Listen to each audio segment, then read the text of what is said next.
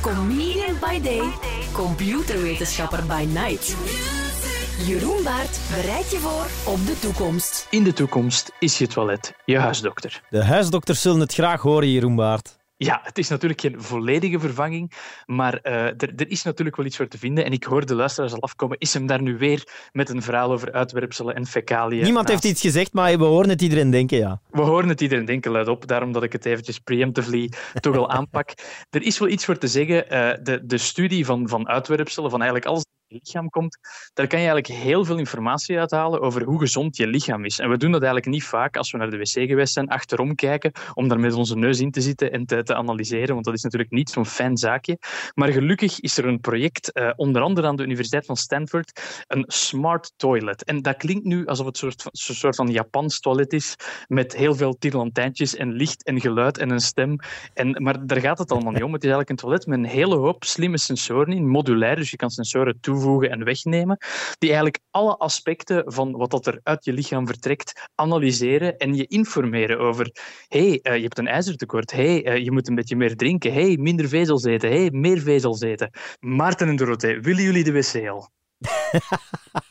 ik, ik heb zoiets, ik ben al getriggerd, maar ja, ik ben natuurlijk heel snel getriggerd. Okay, ik, ik, zal gewoon wat voorbeelden geven. Wat zit er allemaal in, in het, het slimme toilet? Er zit een camera in, dus om optisch te kijken of dat je urine of je uitwerpselen, of dat die de juiste consistentie hebben, de juiste kleur. Daar kan je al heel veel uit afleiden. Er zit ook zo'n kleine strip in, die ken je misschien van bij de dokter. Ja. Die hebben zo vaak van die strips waar dat je op moet urineren en dan aan verschillende kleurcodes kan je zien van, oh hemeltje, uh, er zit bloed in mijn urine of dit of dat. Dat kan dat die wc ook allemaal volautomatisch uitlezen. Al die informatie wordt natuurlijk geüpload naar de cloud. Het privacyvraagstuk, daar gaan we een andere keer over, uh, over nadenken. Maar uh, natuurlijk, uh, upload die wc alles naar de cloud. Er zit een camera in om te kijken hoe goed je urine vloeit.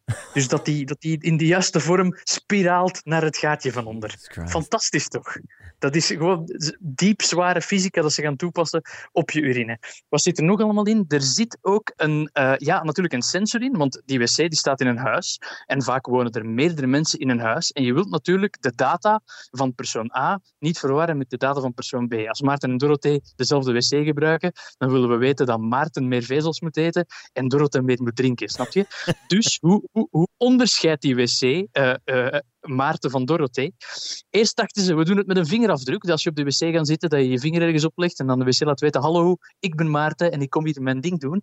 Maar ze hebben nog iets intelligenter bedacht. Oh met een God. camera kijken ze naar je sphincter. Dat is uh, een heel duur Latijns woord voor je poepengaatje daarvan onder. Oh my god. En blijkbaar heeft iedere mens een unieke sphincter. En kunnen ze gewoon kijken naar de vorm en het uitzicht van de sphincter van de momenteel gebruiker van de wc. Het gaat over, over uitwerpsteldingen en zo, maar ik gebruik de propere woorden. Hè. Dus eigenlijk is het facial recognition, maar dan aan de onderkant eigenlijk.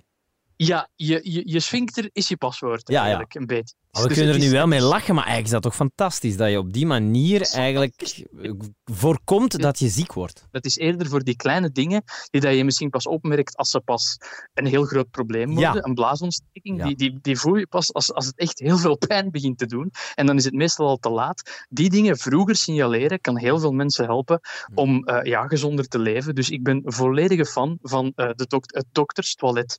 Ja. In de toekomst is onze wc onze dokter. Jeroen Baart, dankjewel. Tot volgende week. Graag gedaan. Volgende week zal het dus niet over uitwerpselen gaan. Ik doe mijn best. Jammer, maar ook fijn. Salut hè. Doei.